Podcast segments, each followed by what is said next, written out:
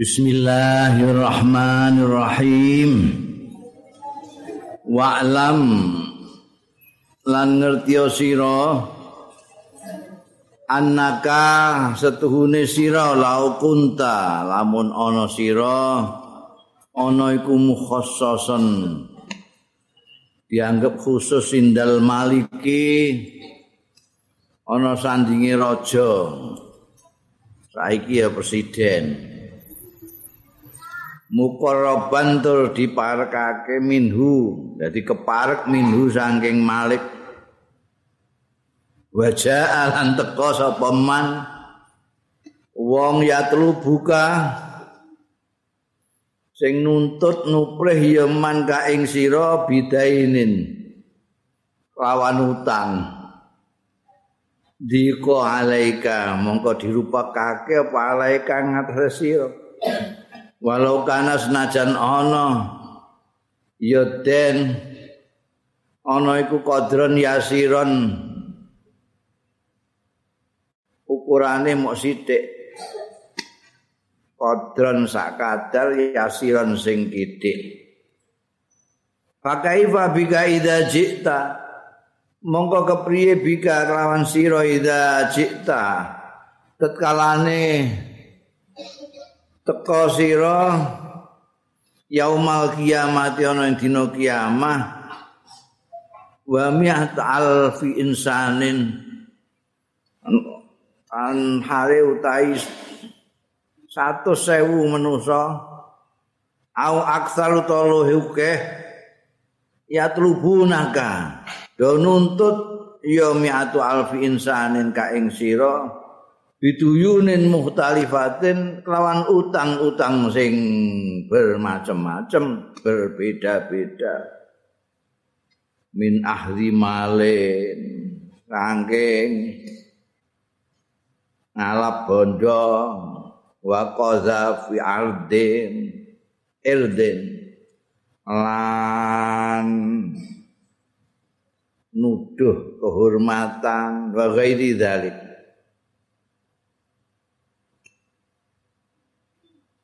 Pakai fayakunu haluka. Mongko kepriye ana apa haluka kondisimu al musab. Sing kena musibah hakon tenanan. Min mahaqqatiz dzunub saking kepastiane dosa wasahawati lan sahawat-sahawat kata ja'alat. Sehingga dadekake ya zunub lan syahwat ing aluka kasanil bali kaya dene gribo sing ngamoh. Gribo iku adah banyu saka lulang Ada dua utawi iki wa ya iki ku al mangkubul muazza. Iku wong sing kena coba al muazza sing perlu dihibur. Zahabat ilang apa ma'akiluhu? Akanan pakanane al mangkub wa syahawatuhu lan kesenengan kesenengane mangkub mala'a bil mirhat ngebai ya mangkup al muazza biha kelawan zunub lan syahawat utawa ma'akil wa syahawatuhu ngebai al mirhat ing WC wa arda lan memuasi memuaskan ya mangkubul muassa biha kelawan syahawat lan zunub lan ma'akil zaujatahu ing bojone almangkuk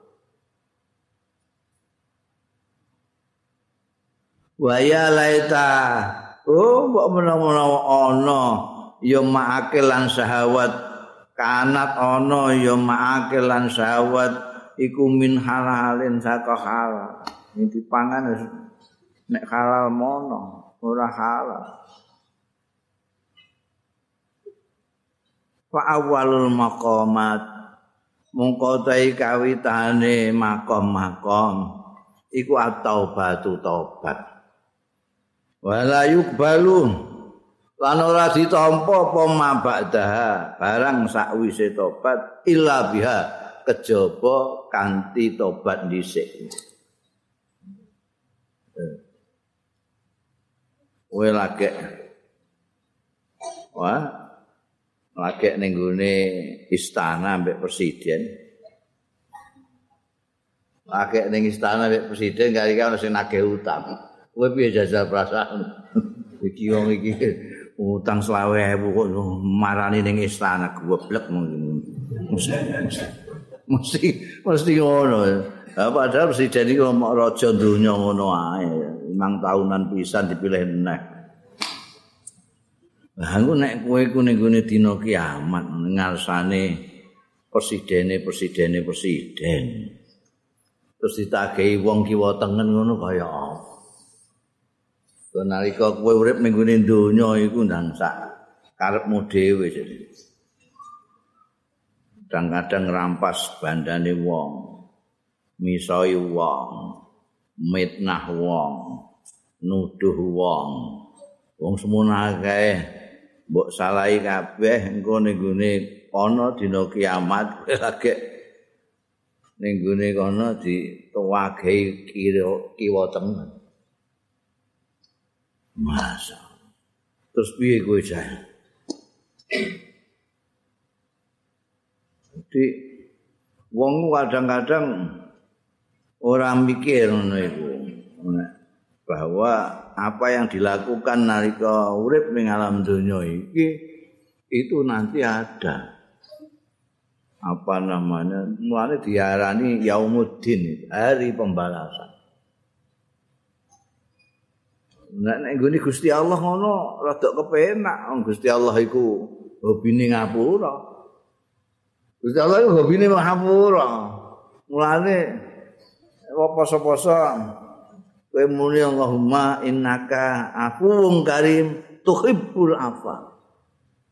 Jenengan menika Maha Pengampun yang Maha Pemurah dan hobi memaafkan. Tuhibbul hobi tuhibbul afa fa'fu. Wis dibusak. Nek Gusti Allah itu gampang. Jaluk ngapura di ngapura.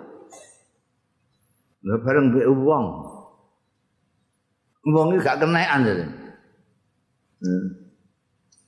wong kesalahan ngono ae ngenteni bojo tuh jaluk ngapura eh bojo kadang-kadang bodoh bareng ya ora njaluk ngapura Lah aku nek di takih ning kono piye? Ning kene ketoke meneng ae. Dirampas hae meneng ae. Wong pancen rakyat jelata sing ngrampas pejabat ya rawani apa-apa. Aku nek ning ditakih ning kono ternyata ora trimo. Ning kene tuh gambarno ngantek sing nagih iku ngantek mi'ata alfi insani. Jadi yang digambarno bersalah itu mesti wong sing pangkate minimal bangsa bupati, anggota dewan ngono. Nek kaya kowe barang ngono nganti mongko mosok ngantek 100.000. Ora ono, sak kampungmu ae ora ono 100.000. Tapi nek kowe dadi anggota DPR terus eh iku sing milih piro? Minimal piro iku? Wah, iku nek ora trima kabeh sok ben ning kono nuntut piye? Hmm. Ayah. Yang pertama kali itu betul-betul orang yang perlu dikasihani ini. Sing dipikirno pakanan, senengan ini, mangan ini. Wes senengan di Padahal pakanan sing macem-macem iku ya ora ulung ya mara ning WC. Eh, wong penggawean kok ngebeki WC iku lah. Kok nyaingi sing resiki WC. Ya mangan, pengen iki mangan. Bar gaduh-gaduh sambel terong, sambel terong. Apa jenenge sate?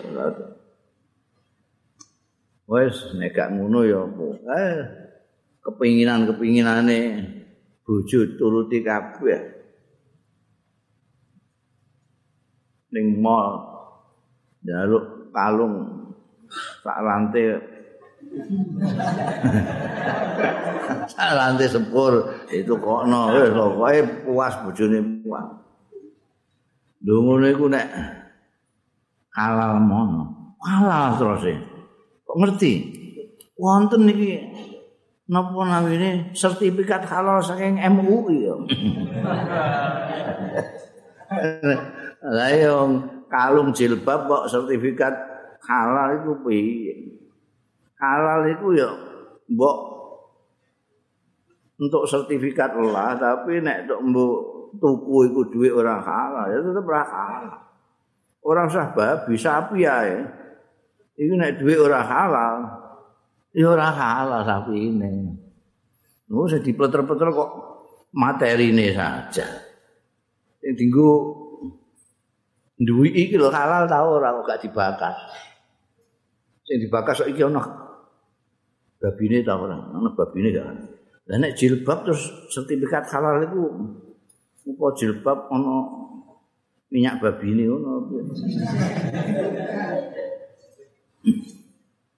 Ora usah ana minyak babi ini nek duit sing mbok tuku iku ora halal, hasil korupsi misalnya tetep ora halal. Halal ora masih lumayan. Ini enggak kok halal.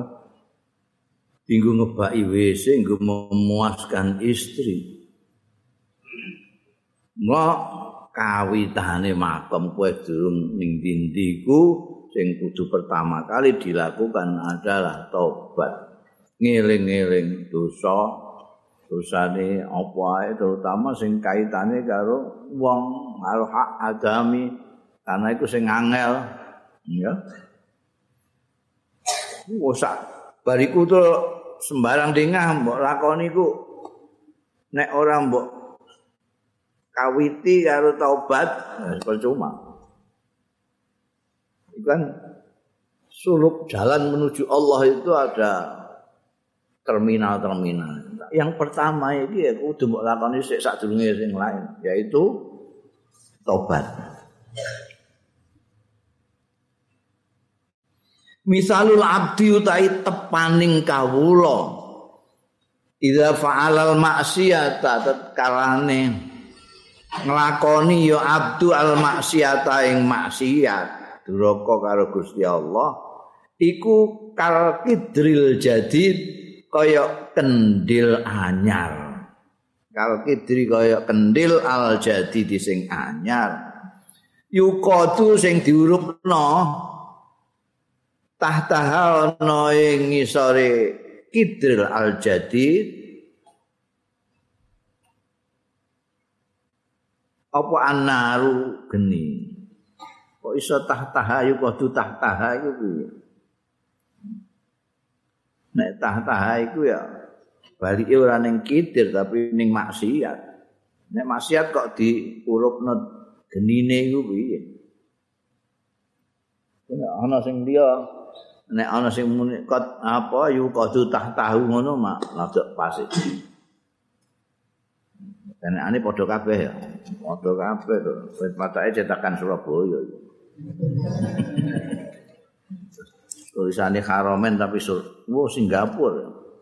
Singapura. Eh, kadang-kadang ngerti nahu sapu ya rada gak enak juga ya. nek ana ngene-ngene iki gitu, ragu-ragu.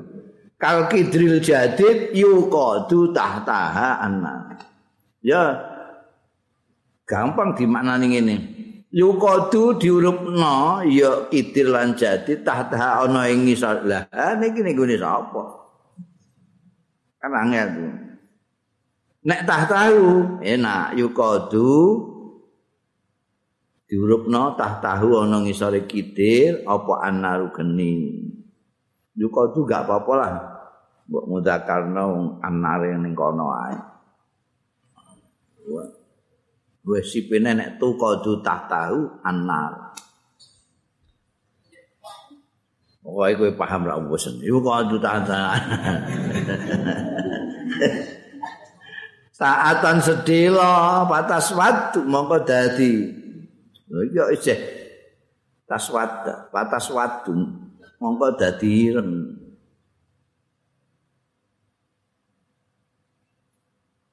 Eh dadi ireng apa? Ya kendil. Mosok maksiat ya. Jadi ki wong wis ditamsilno mbekan kendil kok isih nyawang maksiat terus. Ini ninggone kendil terus. Dan kok kendil itu maksudnya maksiat itu. Fa'in badar ta mongko lamun age-age sira ila ghusliha. Ghusliha sih.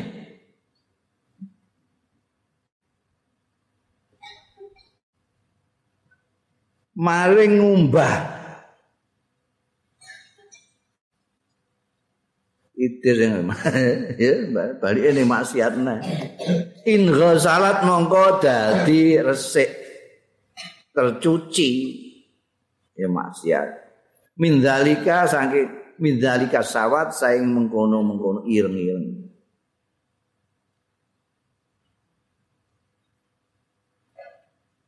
wa in taraktaha begitu terus gak terus sih ya. angel iki. Eh? Nek nek mau ana jadidah ngono ya ora apa-apa kuduril jadidah. Nek kidrul jadid kan muzakkar. Jadi kan. Iki gak ana sing cetakan Arab apa cetakan Singapura kabeh jadi. Hmm? Nah, nek kuduril jadidah. Iku duri jati taun. Al kidr al jati ana.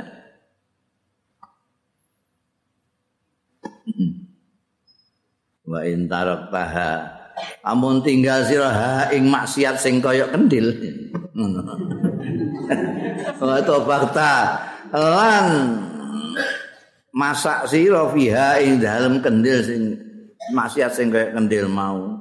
marotan ba'da marotin saambalan sawise saambalan sabata muka tetep apa asawatu ireng-ireng mau fiha ing dalem kendil sing maksiat sing kaya kendil mau ya ini salah satu atau kudur al jadidah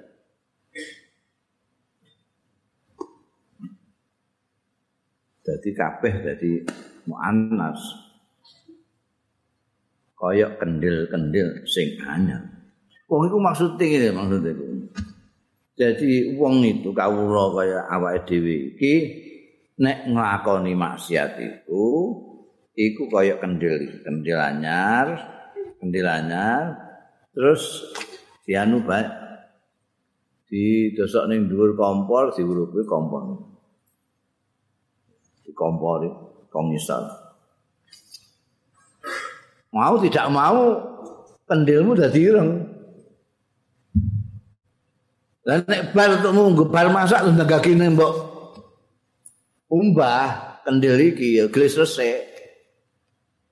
Tapi nek ora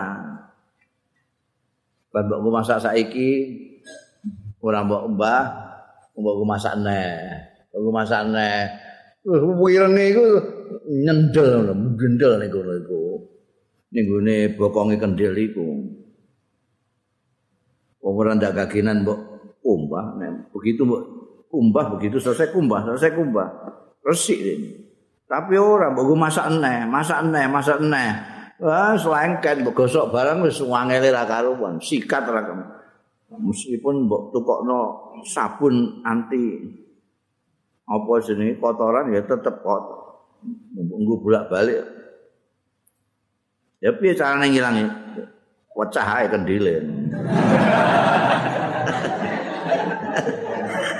Ata tuksa sehingga tuksa sehingga dipecah ya maksiat sing kaya kendil mau wala yufidu lan ora pak. Wis ora paedah wis ora apa husluha ngumbah. Ngisore kendil mau saean ing apa-apa. Nek wis kadung jendel witenge kadung mapan ning gone bokonge kendel iku mau wis ora iso meneh kecuali mbok pecah. Mbok umbah wis ra iso. Iku tepaning wong maksiat. Fataubatu mongko utahe tobat.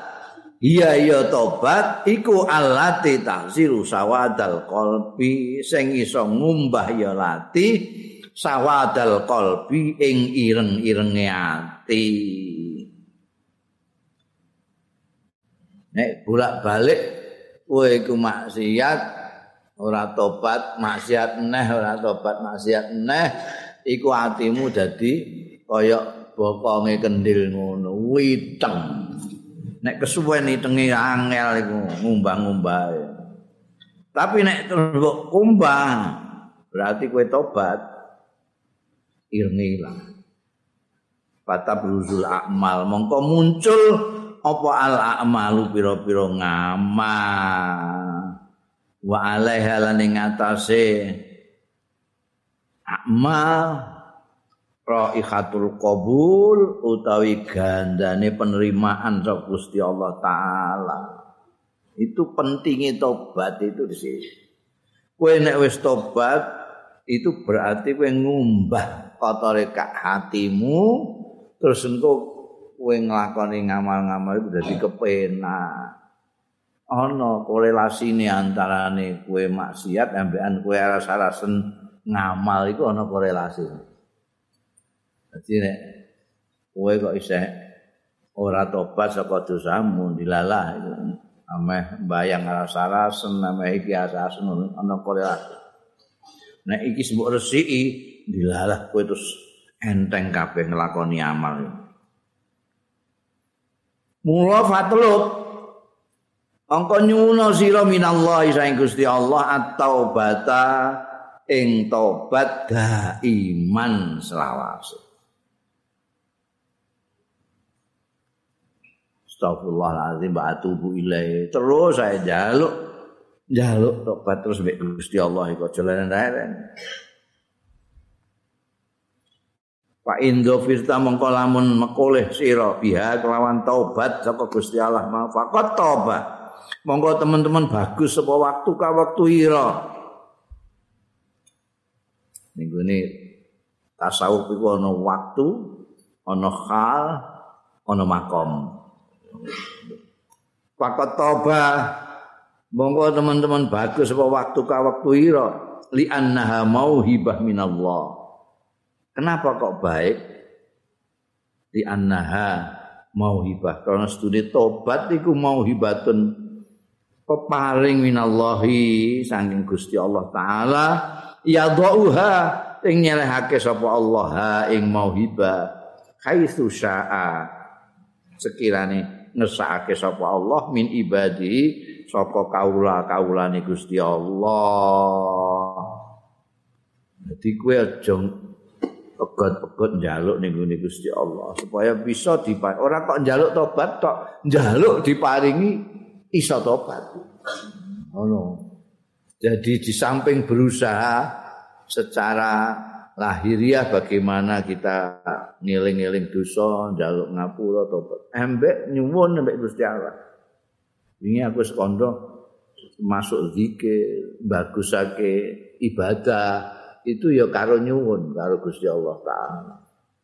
Mergo awak pola tingkah awak dhewe iki termasuk jeroan jabo, jabo iki kabeh saka Gusti Allah.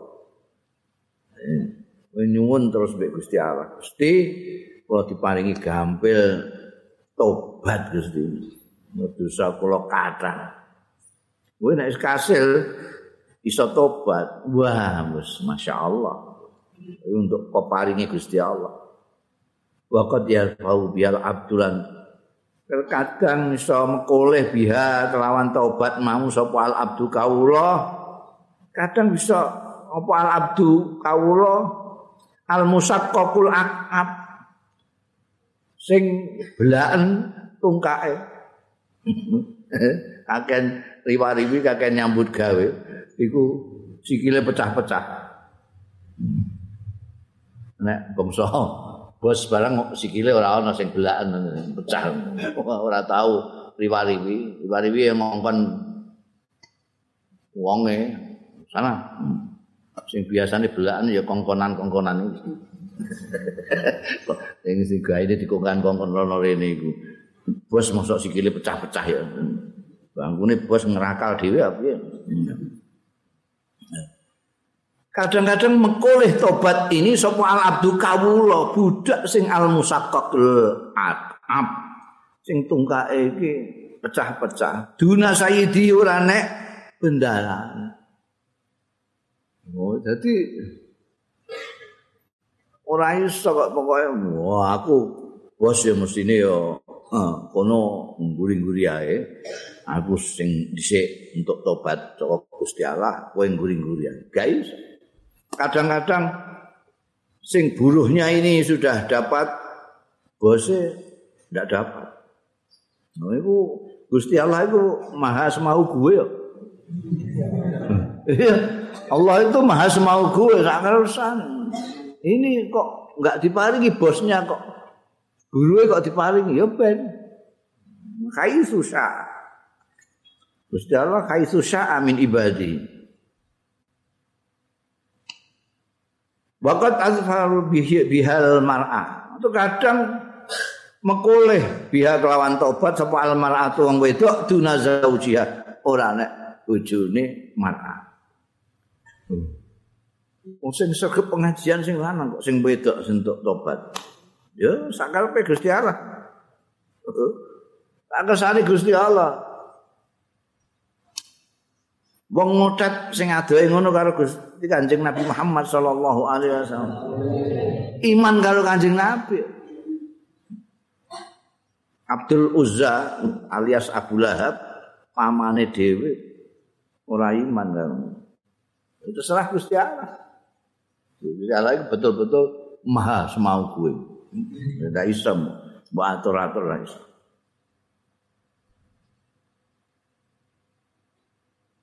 Wasyab dunasyai.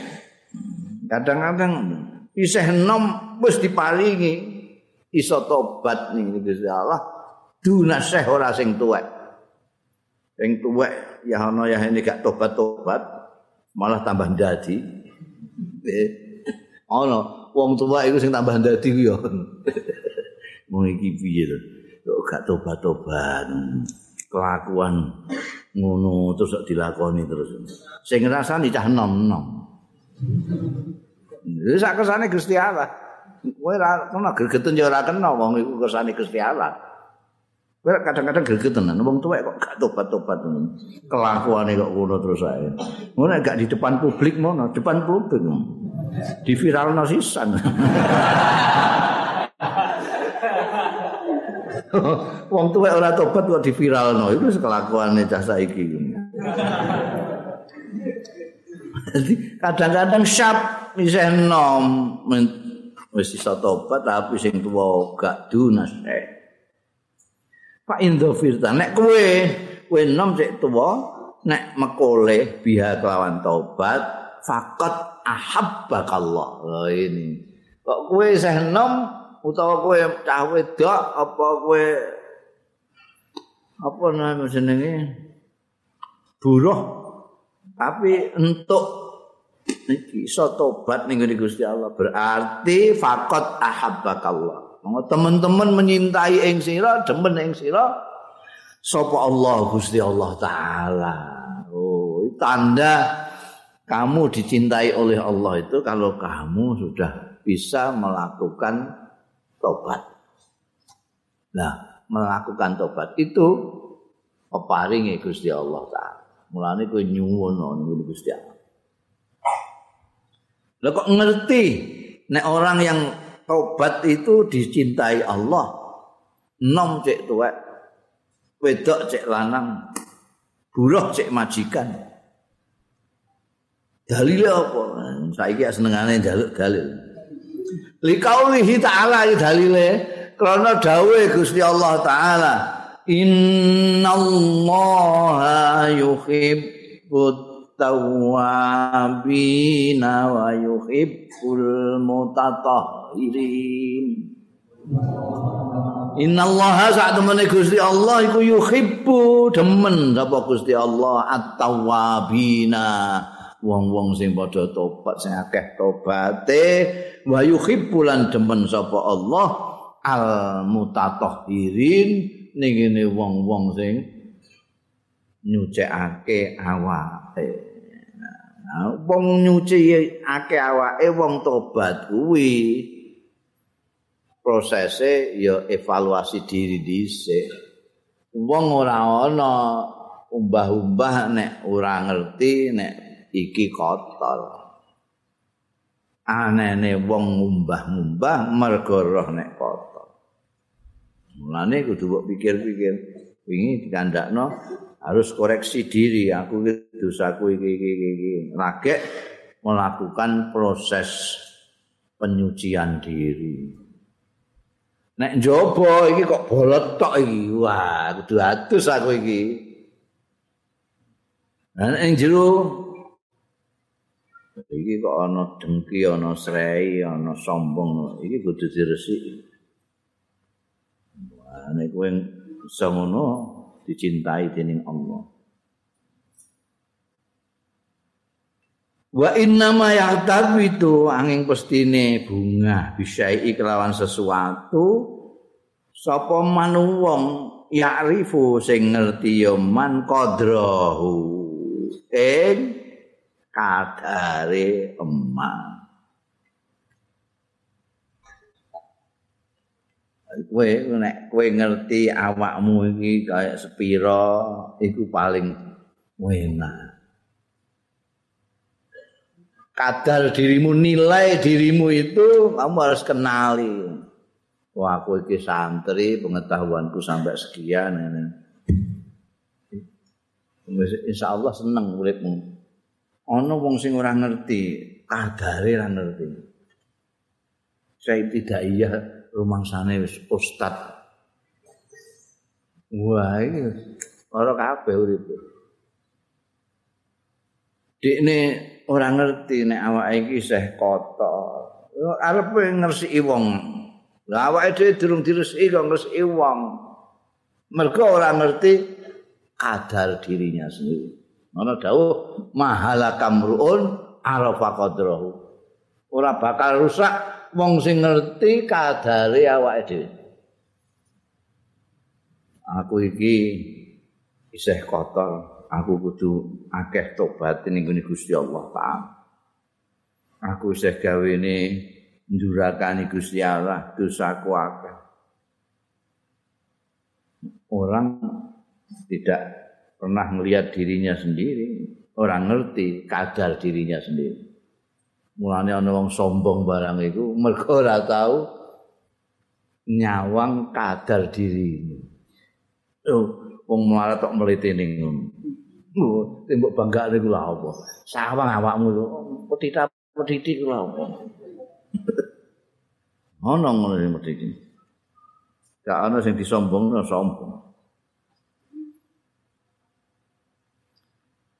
Walau badal ta apa ana titik ing sini. Ora badal beda. Nggone Arab itu bahasa Arab itu beda titik wis beda. Beda harokat ae beda kok. Mbok waca domah apa fathah apa kasar beda.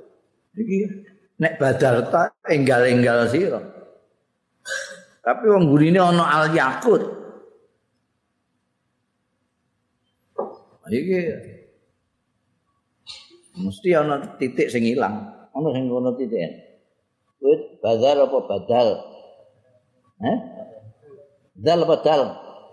Eh? zal apa dal hmm, kono zal kene dal sing bener zal nek badar itu nang kene cepet-cepet badar badar tak iku nyebar aku sing bener sing nganggo zal. Zal ana titike. Nek kurang titik tambah titik.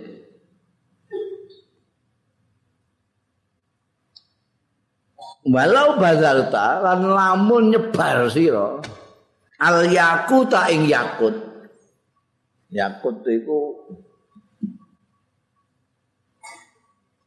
permata sing paling larang. Mulane kadang al yakutul ahmar itu ning kene terkenal dengan merah delima, larang dhewe.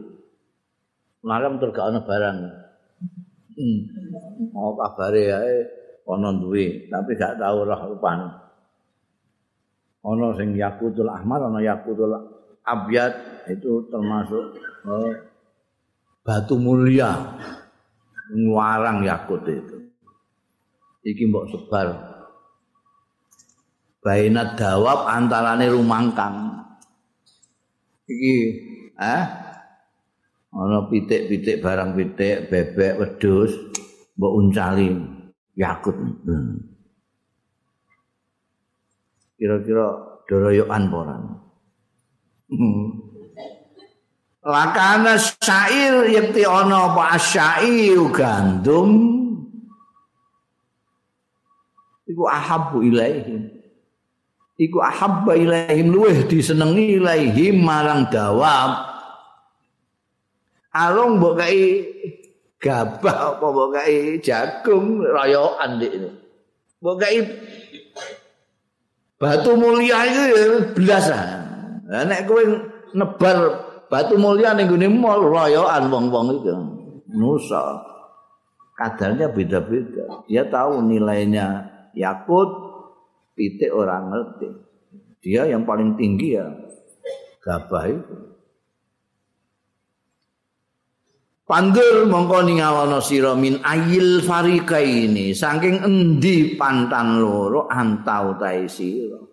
Eh kowe iki termasuk pitik apa manusa kok diwingi-wingi? Batu mulia kok malah milih gabah. Itu jadi kue pitik apa apa eh. Nek uang kok gak kepengen ya batu mulia. Kok dipilih gabah?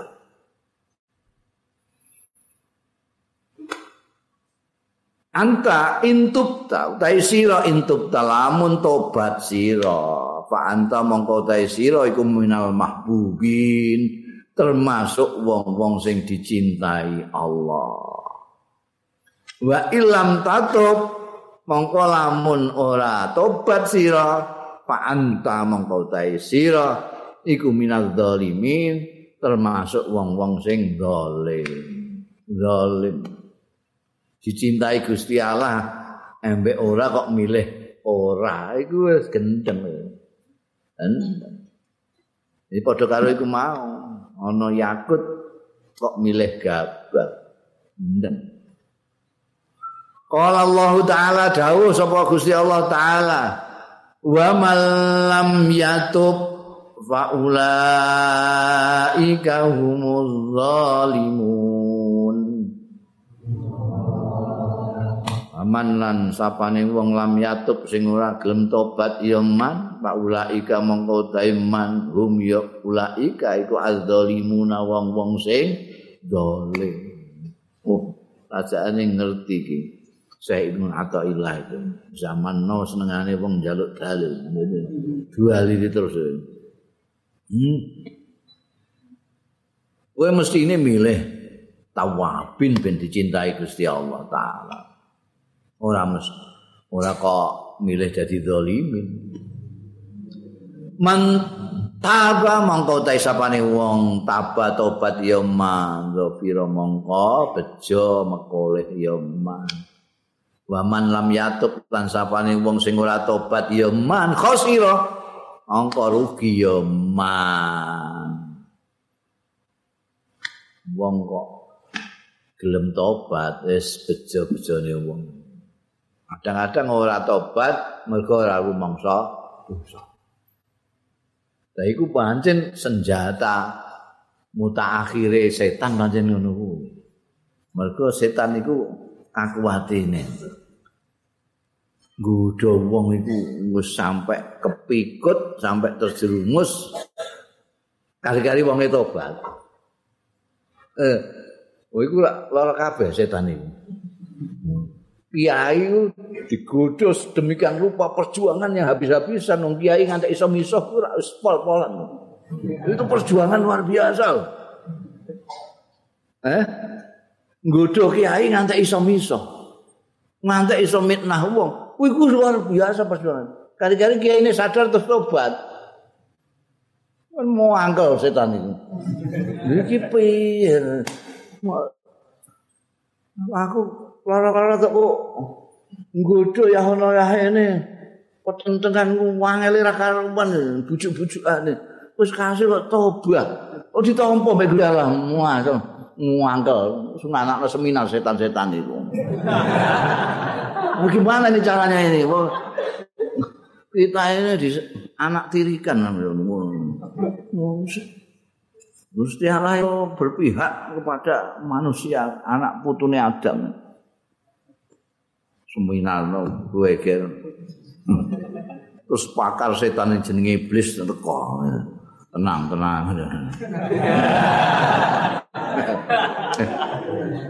Ya, kita tidak boleh, tidak bisa putus asa. Bukan tidak boleh, tapi tidak bisa putus asa. Karena sejak awal kita tidak punya asa. kita tidak bisa putus harapan karena dari awal memang kita tidak punya harapan. Lalu bagaimana caranya ini? Loh, tadi kan kamu bilang kalau mereka anak cucu Adam itu sudah kamu kuda kasil terus tobat dibusek untuk Gusti. Sekarang bagaimana caranya anak cucu Adam digoda supaya tidak merasa salah, tidak merasa berdosa, supaya tidak tobat. Hmm. Mulane hati-hati kowe. Kowe mbek kiat setan yang terakhir ini, hasil seminar ini. Kowe ya, mu itu bahaya. Mulane akeh wong Dulu rumongso gak salah itu malah digodok setan supaya gak rumongso salah. Engko nek rumongso salah dia tobat. Tobat penggaweane ya ono ya ini sia-sia. Wih gawat. Mulane terus anjurane kiai-kiai iku wis pokoke kowe istighfar saben dina iku. Eh mek mbok menawa-menawa kowe itu diloloni kowe njaluk ngapura Gusti Allah tobat astagfirullah mbak tubuh ilih terus maca terus ben kuapok setan-setan. Eh, kono gawe seminar neh kurang percaya. Mantaba dofir, wa man lam yatub khasir. Wala taktok lan aja mutus sira ya saka. Ya apa, Pak? Ya sing bener. Bak nek baksun titik siji maknane kekuatan. Nek yaksun harapan. aja mutus sira yak saka ing harapanmu asamu watakulan ngucap sira kam atubu wa angkut mus pirang-pirang atubu tobat sapa ingsun lan bubrah sapa ingsun kowe aja putus asa terus muni nah kula tobat nih balik malih niku tobat balik neh niku bubrah malih balik Nggih pun timbangane ngoten rasa tobat ampun. Aja ngono. Dawe minatailah. Aja Fal marid yarjul hayat. Wong sing lara iku lho. Iku yarju ngarep-ngarep ya marid al hayata ing urip madamat firuh selagine tetep bihi ing dalem marid apa arruhu nyawa. Wong lara iku lho, mbok ombeni pil barang lah apa ora usah lah. Suntik barang ora usah. Ora usah piye. Selama dia masih ada nyawa di kandung badan, dia selalu masih berusaha terus berobat supaya mati. Demikian pula wong sing duwe dosa iki jangan putus asa. Selama nyawa masih di kandung badan, saya akan terus Seribu kali saya berdosa, seribu kali saya bertobat kepada Allah. Oh, no. Ojo putus asa.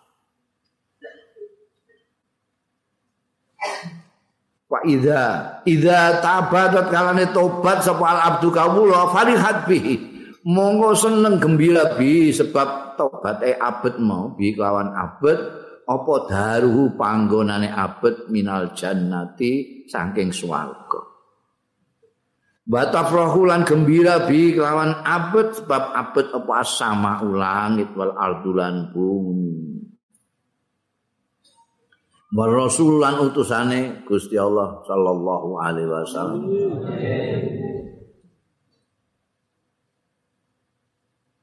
Kowe nek tobat iku swargamu ning kono seneng. Ya Allah sida tinggoni aku. Sida tinggoni iki masaku ketir-ketir ae. Ngundang gak mrene cah iku. Kelakuane ngono terus. Kowe tobat gembira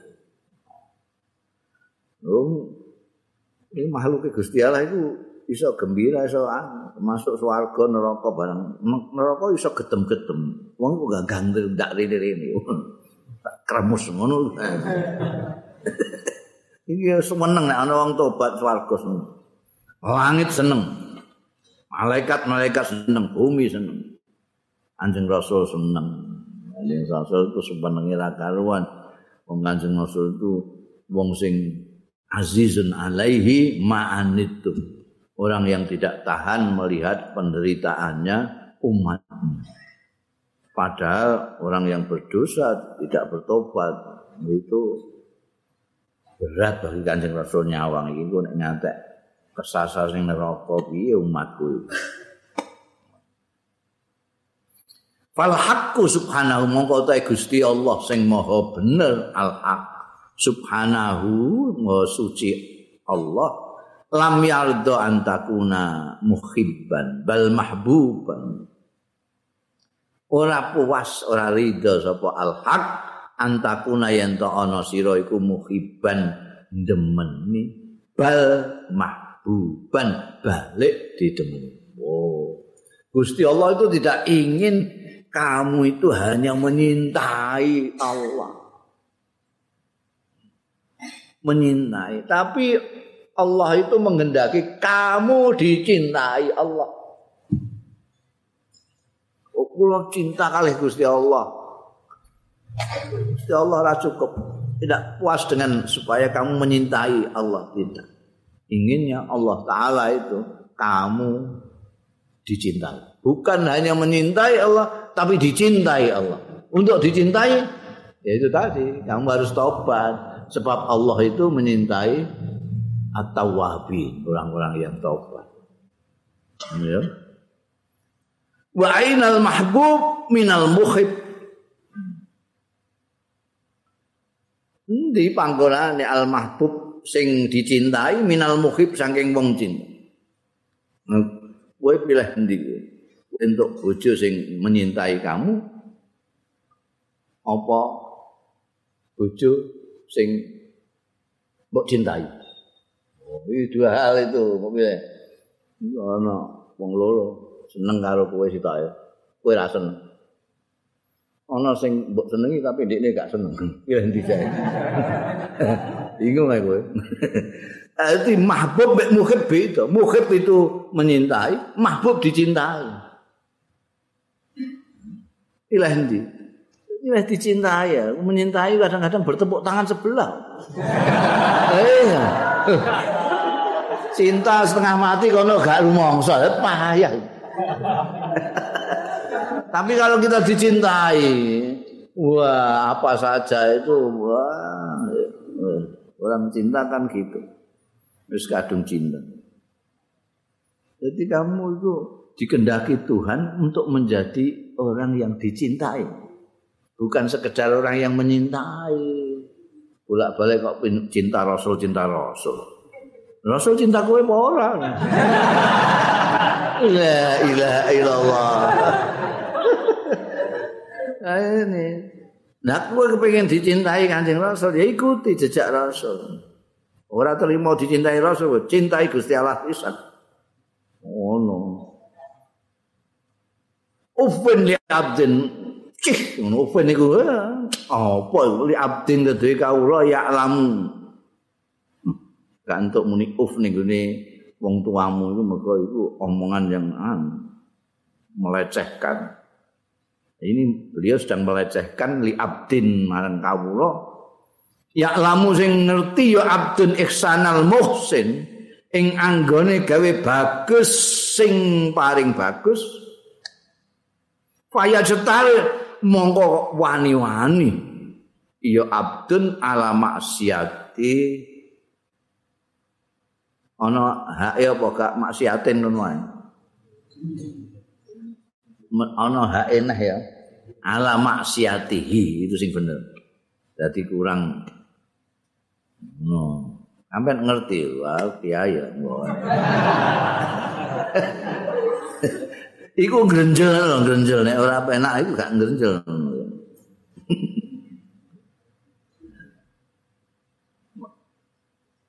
urutane iku wis ora genah kawula sing ngerti kebaikannya zat yang memberi baik dia. Kok wani-wani durakani sing berbuat baik kepadanya? Itu kan keterlaluan itu Gusti Allah itu paling apa saja kepada kawula ini lah kok kawula wani-wani maksiati Gusti Allah sing paling bagus. Apa sing gak diparing Gusti Allah? Sing mbok jaluk, sing ora mbok jaluk diparing kabeh Gusti Allah taala. Lho ngono kok mbok waneni iki. Walakin ma'arafa ihsanahu min athari isyani. Soalnya ora sadar. ma'arofa nging tapi ini orang ngerti yo abet ihsanahu ing ihsane muhsin kok gak ngerti mergo min asari isyanihi jalalan pengaruhe anggone duraka abet jadi iki bergelindang wong itu durakani Gusti Allah sing gawe bagus ning gone ndekne mergo ndekne maksiat. Mergo ndekne maksiat, ndekne ora ngerti diapiki Gusti Allah. Jadi mupeng. Undrane niku maksiat itu. Wa ma'arafa qadrahu lan ora ngerti qadrahu ing kadare. Allah taala man la yuraqibu sapa wong sing lam yurakibu lam yurakibu sing ora niti-niti ora muraqabah ya manhu ing muhsin artine Allah. Kowe kudu iso ana wong wedi karo Gusti Allah syukur karo Gusti Allah iku mergo kenal ini diapi Gusti Allah ngerti sadar. Dan ini gak sadar, ya orang ngerti. Lah carane sabar piye? Ya kudu murakabah ning gone Gusti Allah taala. Pikiran ning gone Gusti Allah tuh. Ya Allah, aku diparingi iso ambekan, masyaallah. Iku wong sing sesek-sesek ambekan iku ngantek pirang juta iku tuh. Mara ning dokteran iku. Utu terus mau kabeh Gusti Allah iku apike karo aku kok ya Allah aku ini paling gampang. Mau kabeh mbek Gusti Allah itu pentingnya ning kono. Jadi terus kenal karo Gusti Allah. Kenal api Gusti Allah ning awakmu terus kowe ora wani ndurakani urutane kan Wa marobika man istaghala bi ghairi lan ora bakal untung sapa man wong istaghala. Sing ketungkul ya man bi ghairi lawan liyane muhsin. Sing paring Gusti Allah sing mbok openi sing liyane Gusti Allah. Pak Alima mongko ngerti iya wong abet iku anan nafsa tatu ternyata nepsune ndekne iku awak dhewe niku sing tatu ngajak ya nafs hu ing abet ilal halakati marang kerusakan. Fata abiaha mengko ngetutno ya abet ha ing nafs. Wa alimalan ngerti ya abet kawula anal qalba setune ati ku uhu ngajak ya kalbu hu ing abet ilal rusti marang bener. Fa asahu malah durakane iya abet hu ing kalbu. Wa alimalan ngerti sapa abet al maasi ing pira-pira maksiat. Al maasi ngono? Qadrul maasi ing ukurane pira-pira maksiat fawajahu fawajahu mongko ngadepi ya abet ing qadrul maasi bil maksiati kelawan maksiat neh Walau alim alamun ngerti sapa abet ittisafahu ing persiap persipatane abet persipatane qadrul maasi. Bi azamati kawan gedene qadrul maasi lama qabalahu yakti ora bakal ngadepi ya abet hu ing qadrul maasi. Biwujudi maksiati kawan wujude maksiate abad wa alimalan ngerti sapa abad kurba maulahu ing pareke bendarane abad wa innaulan wa annaulan setuhune maulahu iku yarahu mirsani ya maulahu ing abad pasar amangka enggal-enggal ya abad lima marang barang anhu saking maulahu nahahu. Lima maring barang anhu saking ma nahahu nyegah ngelarang sapa maulahu ing ma wa alimalan ngerti sapa abet asara dzambi ing pengaruhe dosa. Al muratib alaihi dunyan wa uqa sing natrapi alaihi ngatasé abet dunya ning dalam dunya wa ukhra akhirat. Wa ghaiban lan secara gaib wa syahadatan lan secara nyata pamastahya min rabbi mongko kok ora isin sapa abet min rabbi saing pengirane abet. Walau alima lamun ngerti sapa abet anau setune abet iku fi qabdatihi ing dalem cengkramane maulahu rabbihi lama qabalahu yakti ora ngadepi sapa abet hu ing rabbi bi mukhalafati kelawan nulayani rabbi angin bodohnya kita ya karena kita tidak pernah bisa menilai Allah Subhanahu wa taala yang selalu berbaik kepada kita. Ini ngerti. awake dhewe ini kita itu punya yang namanya nafsu, nafsu punya yang namanya qalb, hati nurani dan punah nafsu. Nafsu itulah yang ngajak yang ngajak kita supaya ketungkul sibuk dengan selain Allah taala itu adalah nafsu ini. ngajak rusak itu ya nafsu itu. Tapi kita selalu mengikuti nafsu itu tidak rono-rono, tidak ini, ini, tidak maksiat-maksiat. Sementara yang hati nurani, yang ngejak kepada kebenaran, itu mbok sulayani terus aja. Orang mbok endel. Mengerti maksiat itu, duroko kuwi bahaya. Lalu kok dihadepin?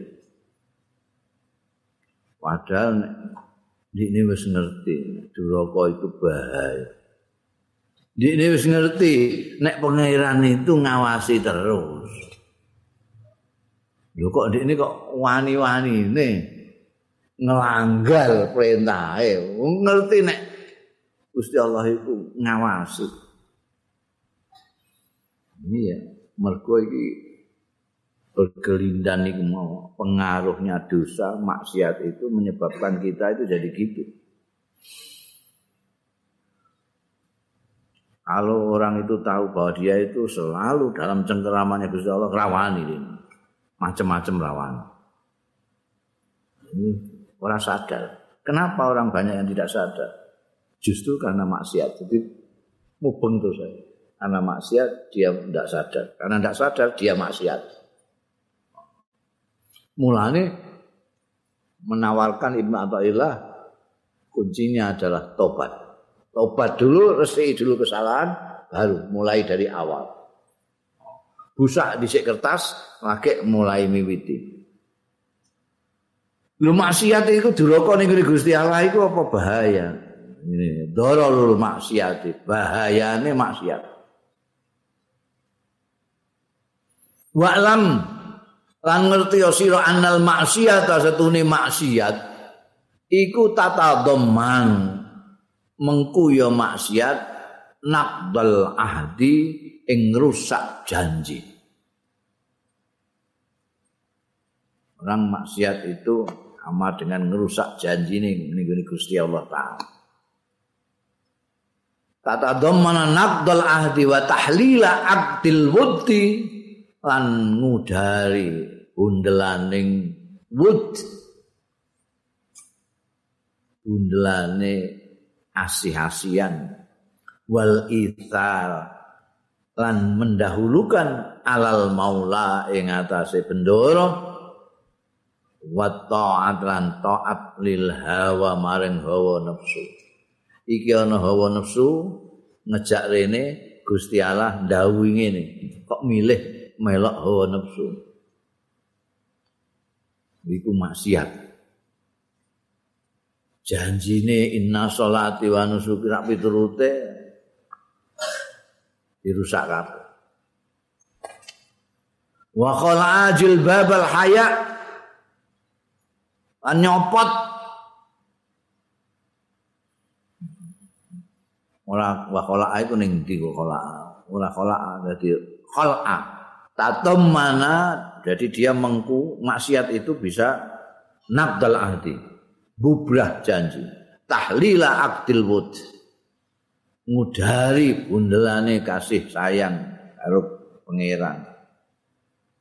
Milih taat ning hawa nafsu tinimbangane pangeran. Wa khal'a jilbabil haya'i lan nyopot jilbabe isin ganti isin wani kok karo pangeran. Wal mubadarata lan aki-aki lillahi marang Gusti Allah bima layardo kelawan barang sing ora ridho sapa Allah. Cepete ngono nglakoni perbuatan yang membuat Allah tidak ridho. Itu maksiat.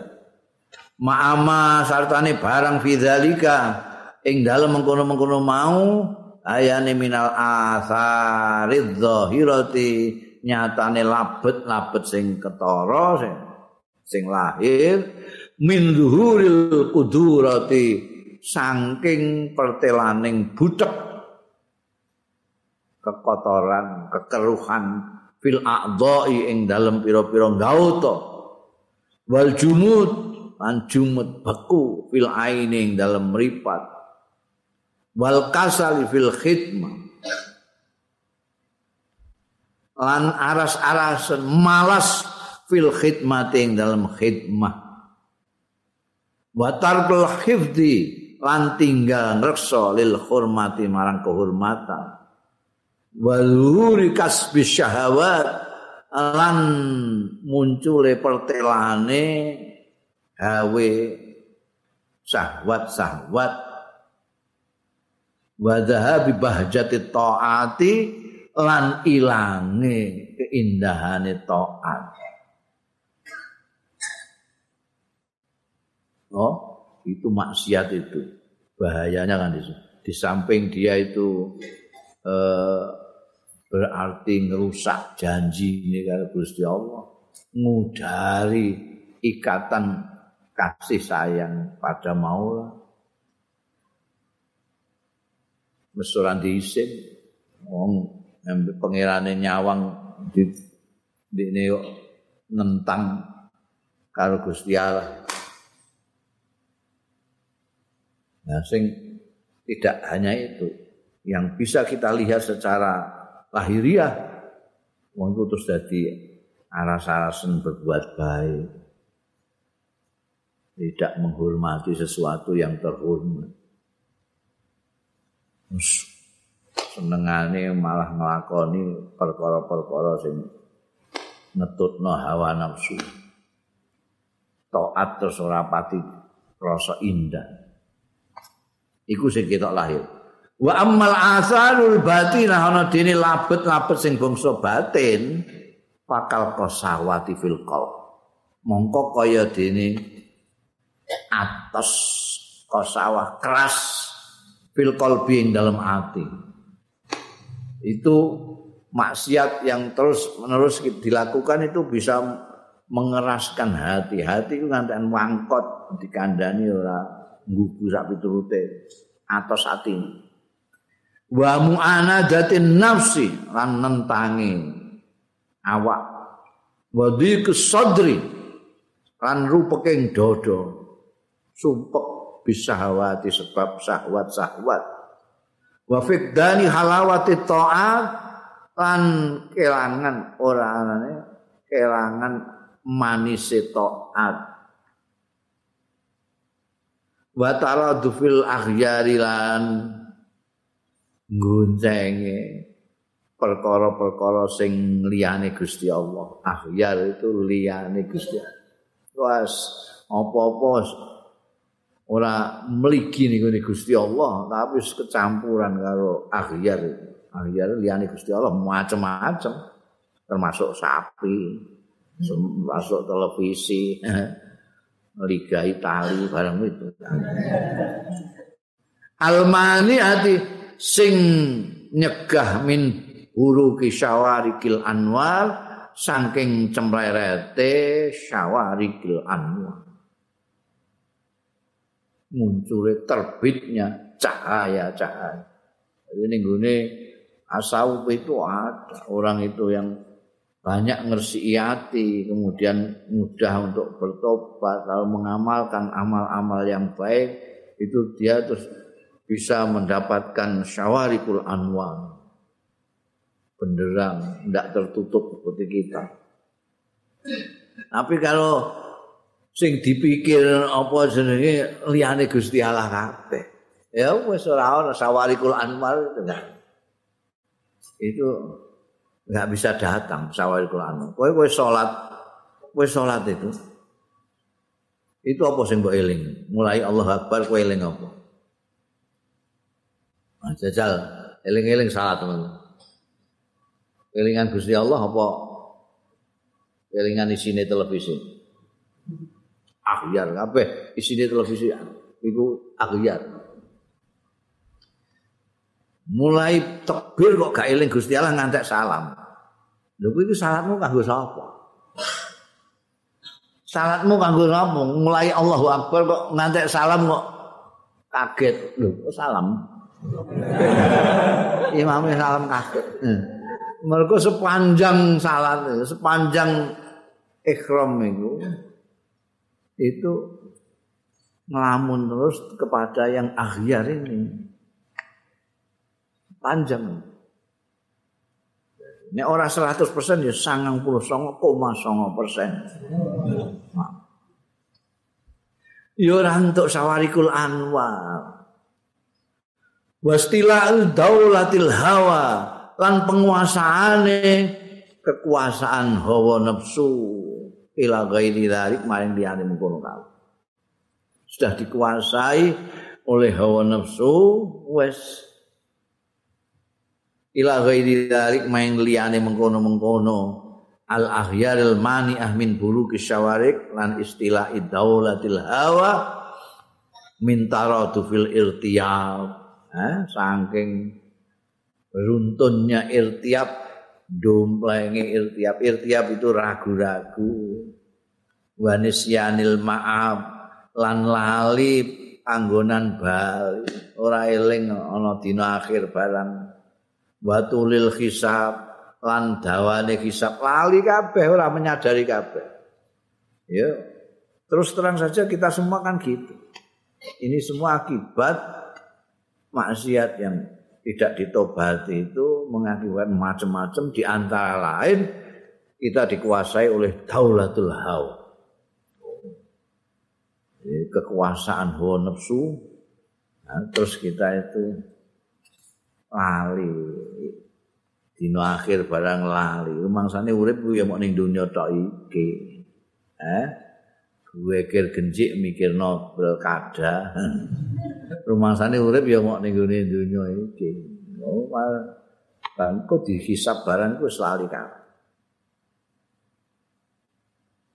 walau lam yakun fil maksiati illa tabaddul ismi. Lamun ora ana fil maksiati iku ing dalem maksiat apa illa tabaddul ismi? Kejaba genti jeneng lakana zalika yakti ana. Apa zalika mengkono-mengkono genti jeneng iku kafian cukup. Wis cukup. Fa inna ka mongkostune sira idza kunta ta'ian. Nalikane ana sira ana iku ta'ian. Taat ning Gusti Allah tu sama diarani sira bil muhsini kelawan al muhsin kowe nek taat ning Gusti Allah kowe disebut muhsin orang yang berbuat baik. Allah yuhibbul muhsinin temen karo wong-wong sing gawe bagus. Tapi wa idza kunta asian tetkalane ana sira asian duraka maksiat ning Gusti Allah intakola pindah apa ismuka jenengira pindah ilal musik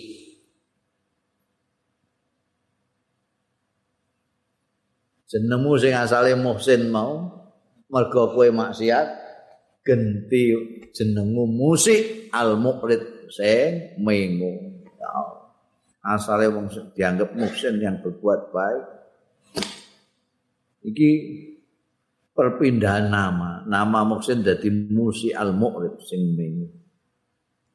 Hadza utawi iki iku fintiqalil ismi. Iku ing dalem perpindahane jeneng tok dari Muhsin ke Musi Al-Mu'rib. Fa kaifa binti qalil athar? Mongko kali kepriye binti qalil athari kelawan perpindahane pengaruh labet minta baduli halawati taati saking perpindahan manise taat bi khalawatil maksiati kelawan manise maksiat. Waladzatil khidmah lan lezate khidmah ning Gusti Allah lan makhluke Gusti Allah. Bila dzati syahwati kelawan keenaane syahwat kelazatane syahwat oh. iku lagi genti jenenge iku wis wis ora enak kabeh. Aku diingi disebut musin saiki disebut musin. Ngono tok iku apa meneh? Kowe terus genti labet. Dik wingi nalika jenengmu isih musin kuwi kowe sembayang nikmate ra karuan poso nikmate ra karuan. Pokoke beribadah ning Gusti Allah taat ning Gusti Allah itu nikmat rasane. Saiki sing nikmat justru maksiat. Eh sing nikmat maksiat genti. La ilaha illallah. Sing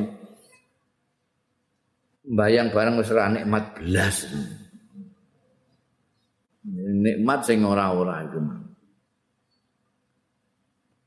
Hadza fi tabadulil akal ya, iki pergantian pengaruh. Labete maksiat itu ndadekno wong sing asale nikmati ketaatan dadi menikmati maksiat. Iki tabadulil akal fa kaifa mongko kepriye bi tabadulil wasfi? Kelawan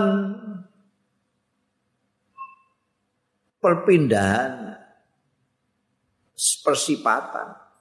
Ya mau pindah jeneng terus pindah pengaruh iki pindah sifat, persifatan. Piye maksudnya? Ba'da angkunta mausufan indallah. Sakwise yen to ana sira, ana iku mausufan disipati indallah ya ana ngasane Gusti Allah. Bimahasini sifati kawan kebagusan-kebagusan pira-pira sifat payak kisel amri. Mongko berbalik apa al amru perkara masawi sifat. Patat tasifu mongko persipatan sira bimasa wil halati kelawan ele-eleke kondisi. Asale kowe iku disipati apik-apik ana ngarsane Gusti Allah mergo kowe maksiat dadi disipati elek. Hadza fi tabaddulil wasfi. Terus naik-naik terus hadza utawi iki iku fi tabaddulil wasfi dalam pergantiane persipatan. Fa kaifa bi tabaddulil martabat.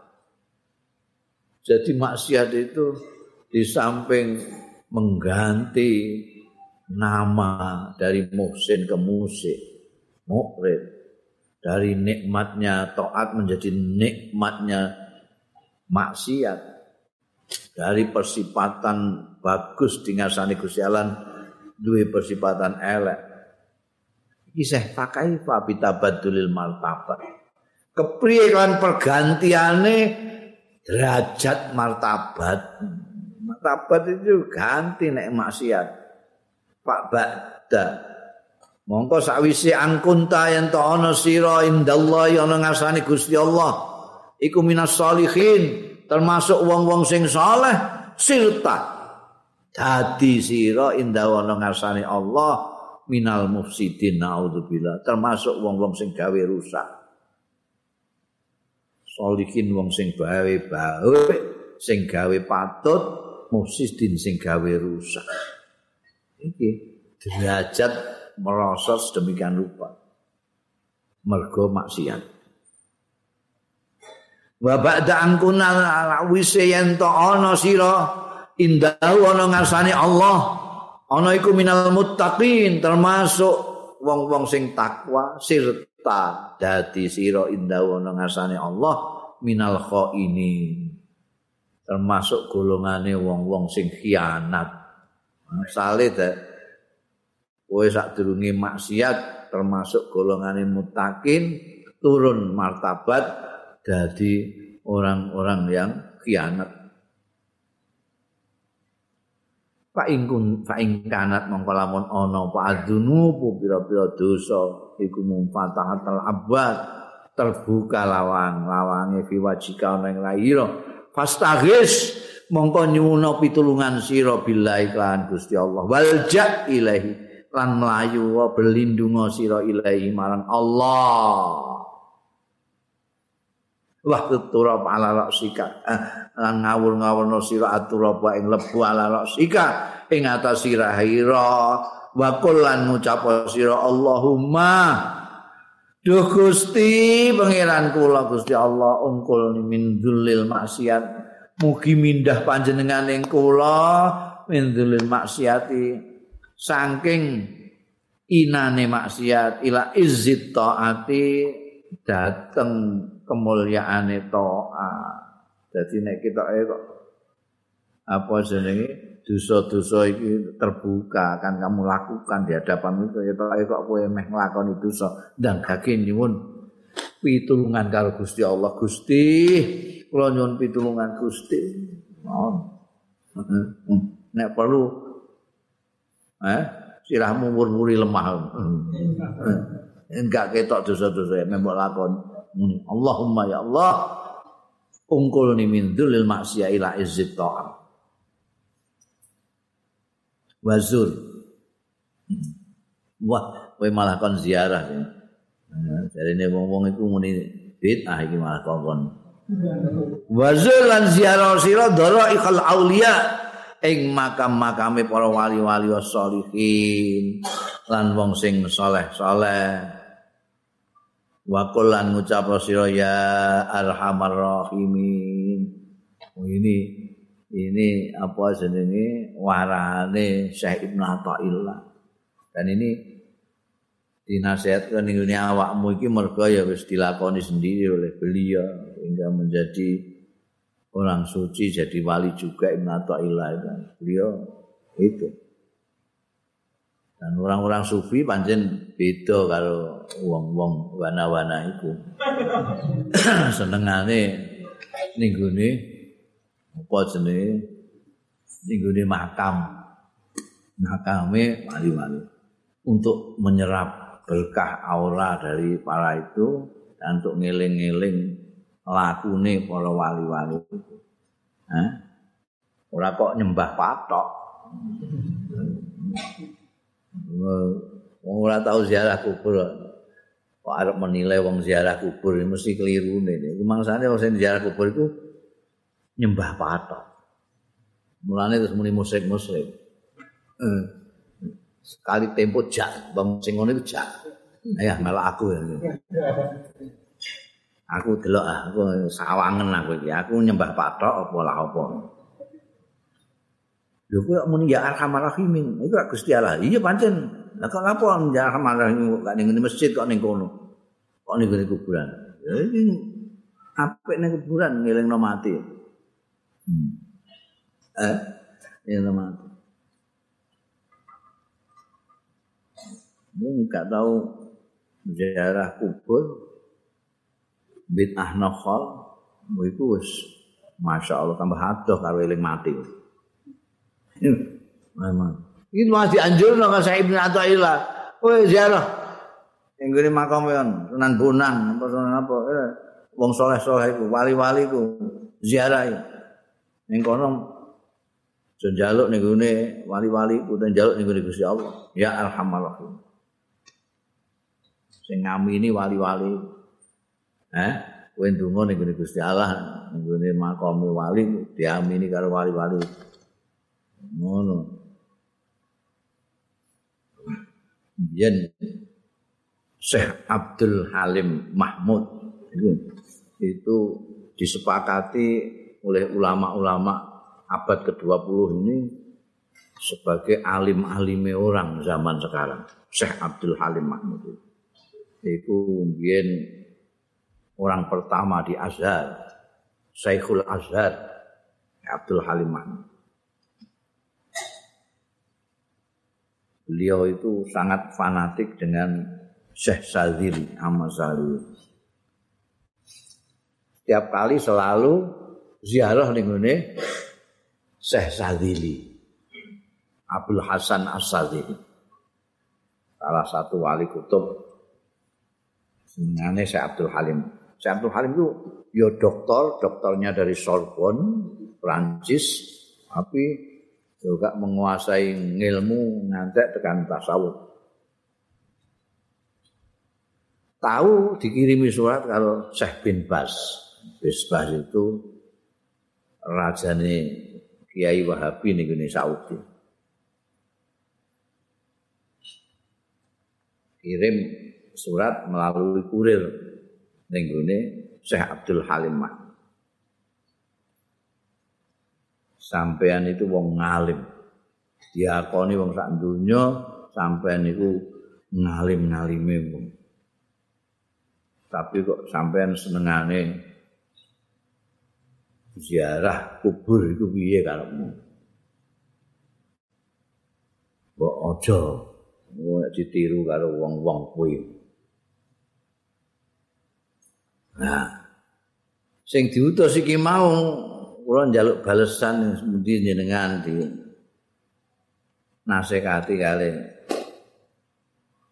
Mbah bin Bas niki. Wis ora usah balik ae balik. Nasah di, ora dibalesi ora apa konmu. Ini pertemuan ulama-ulama ketemu. ketemu Mbak bin Bas itu, Abdul Halim Mahmud itu. Ketemu boleh tak surati kok enggak jawab. Jawabnya saya Abdul Halim Mahmud. Tak takokno Syekh Saliri ora pareng dijawab. tambah bingung bin Bas iki. Aja entuk ning kuburan kok malah ana ngene ditakokno wong kuburan.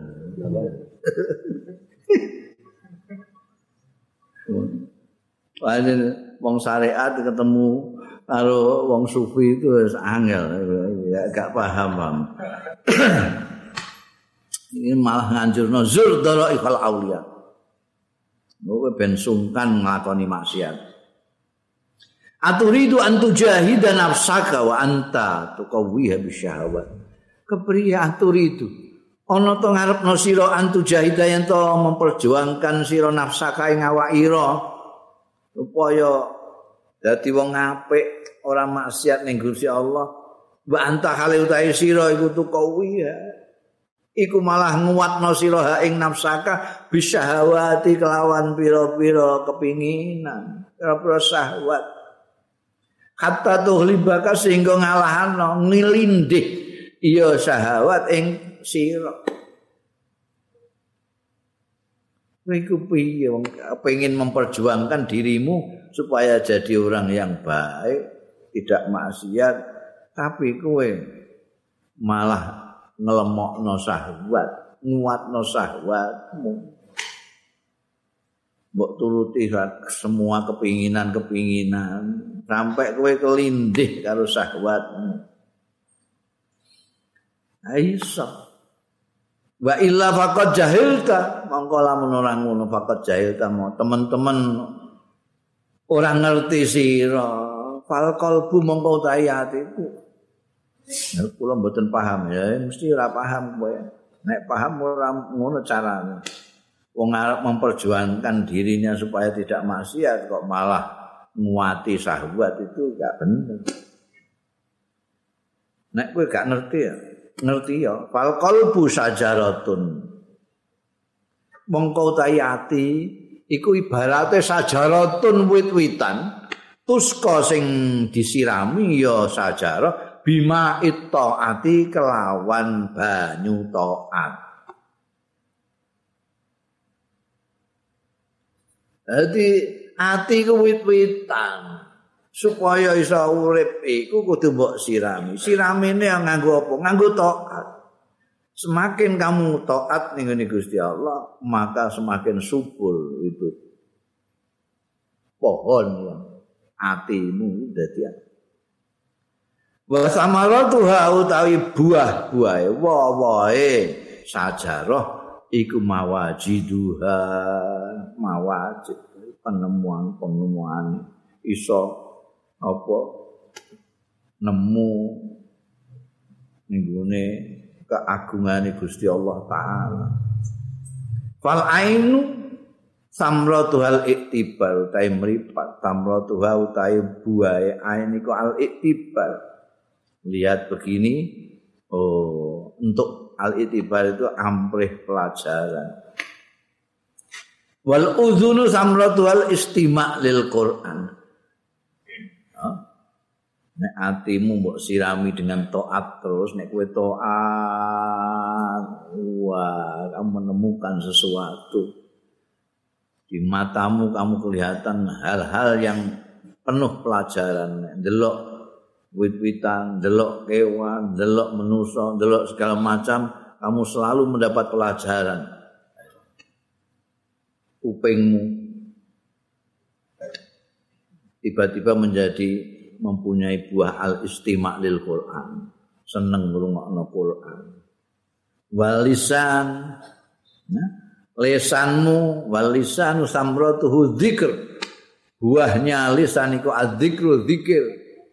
Kowe nek apa jenenge nek mbok sirami dengan taat hatimu itu dilalai lesanmu barang seneng dzikir. Wal yadani tawi tangan lorong warijlani lan sikil lorong. Samratuhu mautai buae yadani warijlan nek kowe gelem taat karo Gusti Allah. Buae asyu tumandang fil khairat ing dalem kebagusan-kebagusan.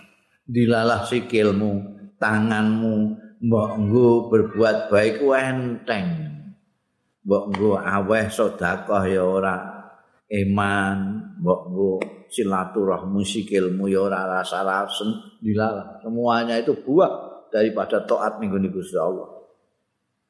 Tapi ida jaffal qalbu ora tau disirami nganggo taat jaffa kering apa alqalbu ati sakotot mongko berguguran apa samaratu wawahe blok kabeh kaya wiwitan gak mbok sirang durung ngantek mateng rampal kabeh pentil-pentil wis rontok fa in ajdaba fa aktsir minal alda mongko lamun eh cara anu ku kok ora terima garing ora kena ditanduri tanduran iso mati terus iki kena apa? Mergo ajdab dalam kondisi ajdab fa'aksir minal azkar. Mongko ngekeh-ngekehno sira minal azkari saking pira-pira zikir. Ha begitu merasa kamu hatinya kering terus malah petok bro ora terima kering bro ora iso diapa-apano mongko ngekeh-ngekehno sira minal azkari saking zikir-zikir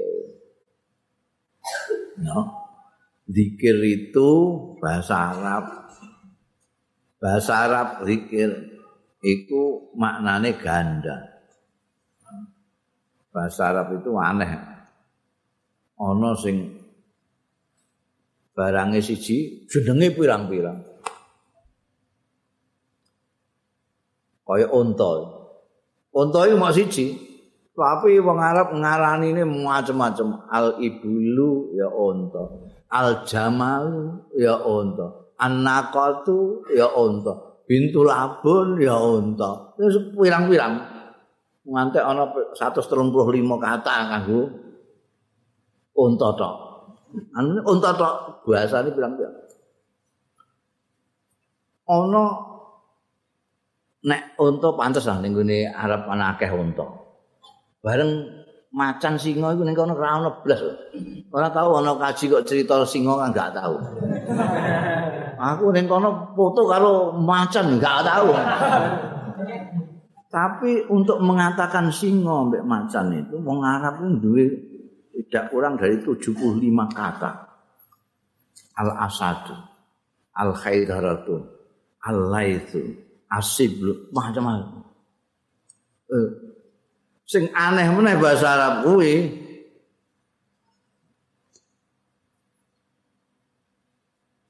Kata-katane siji maknane akeh. Paling ora katanya satu maknane loro. Kaya zikir. Zikir itu duwe makna loro. Tapi ana sing luwih aneh timbangane iki. Ana sing maknane loro bertentangan satu sama lain. Itu jenenge lafat-lafat abdad. Ono lafat sing jenenge lafat abdad itu satu kata duweni makna lebih dari satu bertentangan satu sama lain. Kayak qalun. Qalun itu iso berarti kotor, iso berarti bersih. Oh.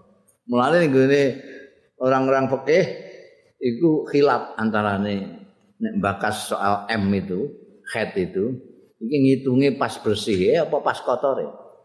Mergo tembunge Quran itu. Azara bisa menghormati, bisa menghina.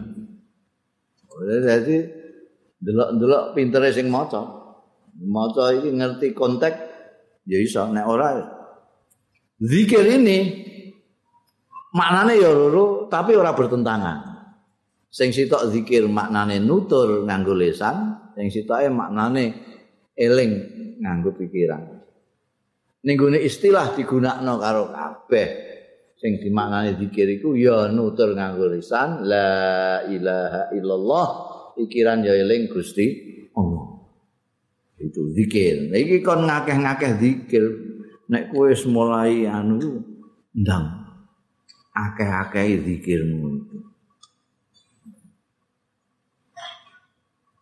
Fa'aksir minal azkar. Wala takun kal alil. Lan ojono sira kal alil kaya wong lara, yakulu sing ngucap ya alil la atadawa hatta ajidu sifa. Aku ora berobat sehingga nemu sapa ingsun asifa ing waras. Payukalu lahu la tajidu sifa hatta tadadawa. Iku aneh wong lara kok muni. Aku iku ora berobat kecuali engko nek sehat. Lho. Iya to. Wala tajidu sifa ora nemu sira sifa ing maras hatta tata dawa sehingga berobat sira. Piye to kowe iku kualik-kualik. Ngombe obat kok nek wis sehat. Lho kowe ngombe obat iku ben sehat kok. Kowe aja kaya wong koyo kuwi kemplu iku jenenge ha ngenteni sehat lagian gelem tadawa ngenteni wis mari lagian dikiran. Oh gak Fal jihad mongko utahe jihad lae samahu ora ana mahu sartane jihad apa halawatun kemanisan. Wa ma ma'ahu lan ora ana ma'ahu sartane jihad apa illa usul asinah kejaba ha pucuk-pucuke senjata. Fajahid mongko berjuang sira nafsaka ing awak dhewe hadza utawi jihadun nafsi wa ya hadza iku al jihadul akbar jihad sing luwih gedhe ya dadi ana istilah sing saiki diperbincangkan orang karena orang ngaji sak durunge. Dadi ana jahada itu itu sebetulnya mengerahkan segala daya jahada, berjuang. Kalau itu dalam pengertian fisik disebut jihad. Dalam pengertian berjuang untuk melawan nafsu diri sendiri disebut mujahadah. Di dalam ilmu pengetahuan disebut ijtihad. Orang mujtahid itu orang yang mengerahkan segala daya untuk mendapatkan konklusi-konklusi ilmiah, hukum-hukum melalui bacaannya terhadap Al-Qur'anul Karim dan sunnah Rasul sallallahu alaihi wasallam. Sehingga dapat merumuskan hukum-hukum itu. Jadi ono jihad, ono ijtihad, ana mujahadah ana ijtihad nah, jihad itu ana aturane jihad itu tidak selalu perang malah menurut Syekh Ibnu Athaillah dan banyak ulama-ulama itu jihad ada yang lebih besar dari jihad perang membawa senjata yaitu jihadun nafs Nek nglawan wong kafir itu kelihatan orang. Nek jihadun nafsi gak ketok. Pasukan lawan itu ana sing jenenge nafsu, ana sing jenenge setan, gak ketok kabeh. Nembakmu piye wong gak ketok.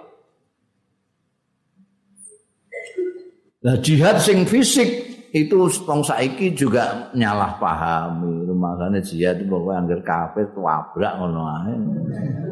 sikat pasar ya mbok sikat ning gone mall ya mbok sikat jihad itu Anjing Nabi Muhammad sallallahu alaihi wasallam.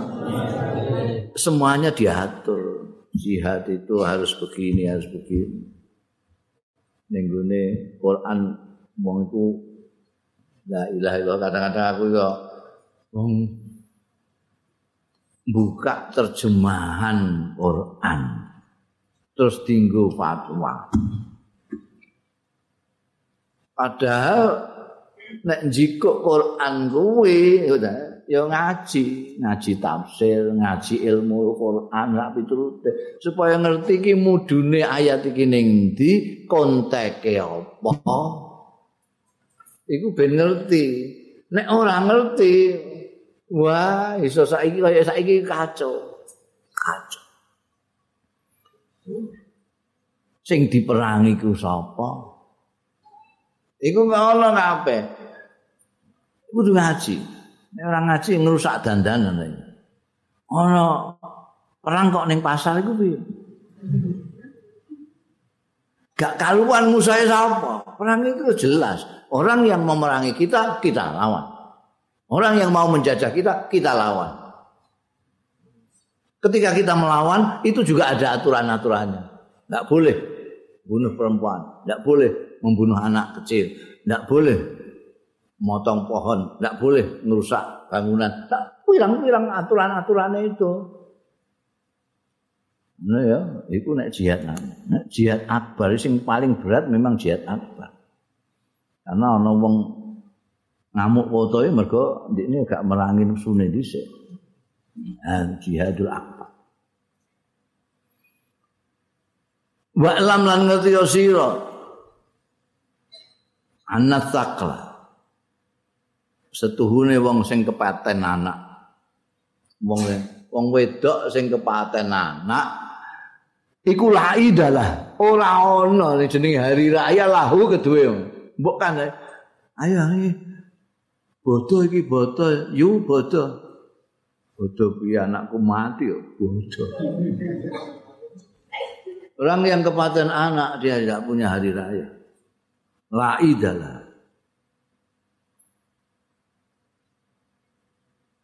Digo tamsil wong apa jenenge sing kawula sing ora iso melawan dirinya sendiri. Nah. Bal al-id bali utawi riyaya iku liman kanggo wong qahara sing iso menundukkan ya man nafsahu ing awak dhewe. Paling berat itu melawan diri sendiri, nafsu. La ida ora ana hari raya ora ana riyaya ilaliman jamaah samlahu. Kejaba wong sing ngumpulake gemblengane man. Jaza apa haza nganggo jim apa nganggo hak jim. Bener sing nganggo jim sing ora nganggo titik iku kurang titike mergo mangsine entek. Haza itu maknane mekole. Nek jaza nglewati. Jaza liwat sapa ba'dum sementara sementara wong ala daire rahib ning atase biarane rahib pendito. Empat ibadahnya pendito Yahudi ini Dair. Fakola mongko ucap sapa ba'duhum lahu marang rahib. Ya rahibu, eh pendito, mata itu haulail kaum kapan riayane tiang-tiang niku haulail kaum mengkono-mengkono kaum niku kapan riayane Kala jawab sapa rahib riyayane ku yauma yufaru lahum. Ana ing dinane di ngapura apa lahum? Haula. Riyayane engko. Nek wong-wong iku wis di ngapura dosa-dosa wong sing isih duwe dosa iku ora pantes riyaya wong duwe dosa padha karo wong wedok kepaten anak. Kok riyaya iku piye riyayane ya engko nek wis dosane di ngapura kabeh. Mami saluka ma'a nafsika illa kaman wajata zaujatahu finan anati humman. Ora ana apa misaluku, misaluka tepoira perumpamaanmu ma'a nafsika sartane awak dhewe ira illa kejaba kaman kaya wong wajada sing nemu ya man zaujatahu ing bojone man fi khanati khumarin ing dalem kethe minuman kelas waning kafe dodol. Apa jenenge minuman-minuman keras iku Fa'ataha mongko nekani sapa man wajada zaujatahu ha ing zaujatahu bil malabisil hasanati kelawan pakaian-pakaian sing bagus wal ma'akilit thayyibati lan pakanan-pakanan sing enak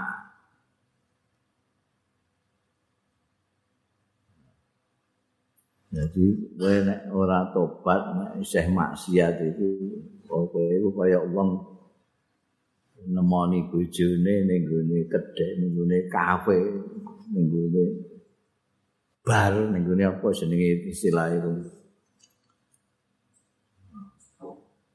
ini tempat-tempat malahi ku mbek nggo pakaian bagus-bagus pakanan sing enak ini. Eh berarti ora mau terima kowe rido ambekan bojomu ngono kuwi ning gone kono itu malah mbok hadiah pakaian indah-indah pakanan itu wong sing maksiat ning Gusti Allah itu memanjakan nafsunya kayak ngono kuwi. To karo duwe bojo temu ning gone kafe malah dikai pakaian-pakaian yang indah dikai pakanan sing Wa idza tarakati salat asbata tudimu hal wal alwan. Nek tinggal sapa bojo, wa idza tarakat tinggal. Tarok tak salat asbah tatut imuha. Ida tarok tak tatkala tinggal sira as-salata ing sembahyang asbah tak itu termasuk maksiat itu tinggal salat asbah ta mongko dadi sira iku tut imuha makani sira ing nafsu ira al isa wal alwan. Pakanan-pakanan sing enak lan macem-macem. Ya, nafsumu ya lemu. Lemu nek kowe gelem tinggal salat gelem maksiat nek Gusti Allah. Wah wis padha karo wong di bojo terus itu mau kayak macam-macam nek gelem ning gone net club bojo ning net digawani pakaian pirang-pirang. Apik kowe nyah tak pakai. Ini kayak pakanan semua enak-enak. Bagia ba'duhum. Keri sapa ba'dhum sebagian wong wong arba'in sanatan ing dalem 40 apane sanatan taune layah dur. Ora tau ngadiri ya ba'dhum al jamaah ing jamaah. Lima krono barang ya sumukan gondo ya ba'dhum minnat nikulubil ghafilin. Saking badheke ati-atine wong sing lalai talumpe. Eh, gara-gara mencium baunya orang-orang yang hatinya itu rusak. Itu ana sing ngantek ora gelem jamaah 40 tahun. Jadi ada korelasi nih. Ya, ada korelasi antara maksiat dengan bagaimana kita itu melakukan kegiatan-kegiatan ibadah. Begitu kamu maksiat, dilalah terus alas-alasan jamaah, alas-alasan sholat, alas-alasan biasanya apa jenenge poso Senin Kemis. Bareng maksiat itu salah-salasan poso gak kuat. Jadi ono kaitane hubungane. Kok malah ana sing malah tinggal jamaah 40 tahun. Mergo atine atiku penting menurut orang-orang sufi itu. Tidak boleh badek, tidak boleh. Ada takabur, ada dengki, ada serai, harus hilang semua. Wa ma fama arafaka mongko aduh ngerti ira bima salihid dunya kan kepentingan-kepentingan dunya wa ma ajhalu kal aduh geblek ira bima salihid akhiratika kelawan kepentingan-kepentingan akhirat nyindir awake dhewe iki ya dilem kowe kowe nek geneman donya kok ahli tenan kowe. Masyaallah. Wong oh, kaya kowe ngerti soal donya Mas. Tetek bengeke kowe ngerti kabeh. Tapi kok geblek temen nek soal akhirat. Wa ma ajhalat bi masalihil akhirat. Jak geneman akhirat nunak-nunuk gak iso. Bareng dijak sekolah dunia, wah ketok ahli iki pakar dunya tenan.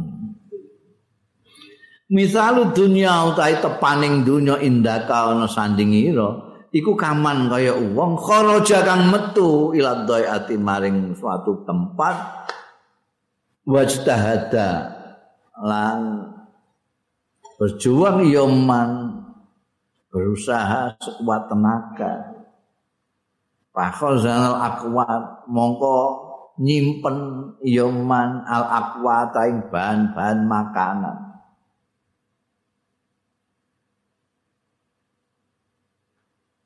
Papat ataita mongko teman-teman nekani sira bima kelawan barang yaudu kang bali apa nafuhu manfaate ma alaihi ing atase man fi waktu ing dalam waktu ini.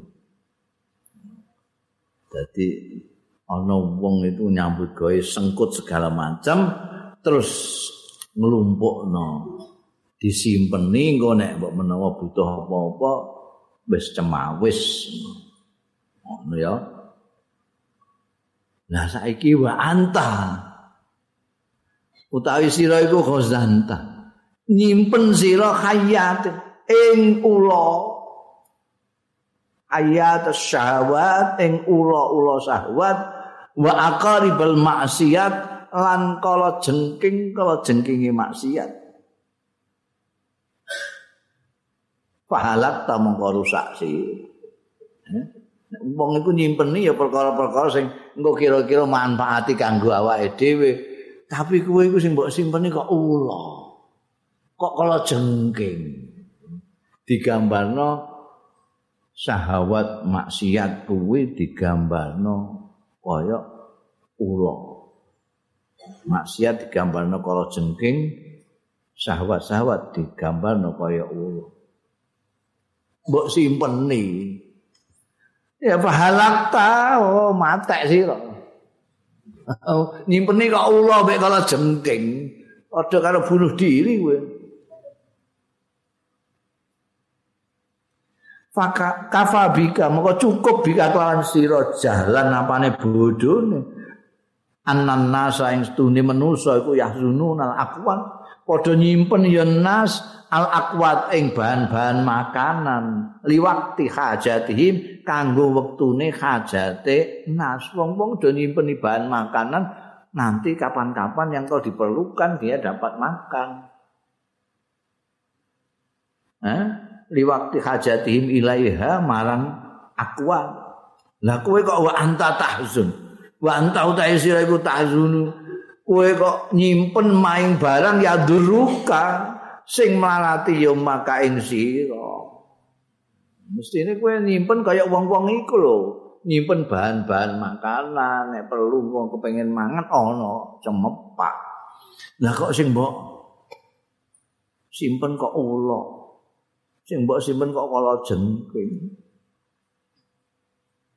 Napa maksudnya? Wa anta tahzun ma yaduruka. Ula kalau jengking melarati membahayakan dirimu kok mbok simpen. Lah kok nyimpen apa? Wahya utawi sing mbok simpen iku al maasi. Sah akarib kayat iku maksudnya maasi. Maksiat maksiat mbok simpen ni ora mbok tobati malah mbok tumpuk-tumpuk neh. Maksiat iki durung mbok tobati kowe maksiat neh iku jenenge kowe nyimpen kalau jengking nyimpen ula. Hal raita ana to ningali sira? Man yakti ningali wong yakti sing nekani ya man bihayat kelawan ula-ula fayurabiha. Mongko ngingoni sapa man ha ing hayat fidari ing dalem omah Dek mesti nek ngingoni ula mesti digawekno adah dhewe dikai kandang dhewe. Mosok nyimpeni ula terus ning sak kamar mbek dekne dikeloni. Kowe tau tumon ngono iku? Gak tumon. Fayura biha fi dari ing dalem omahe man. Tau tumon? Gak tau. Faha anta taf'alu dzalik. Nek kowe gak tau faha anta. Iki kowe ta sira iku taf'alu nindakake sira dzalika ing mengkono-mengkono.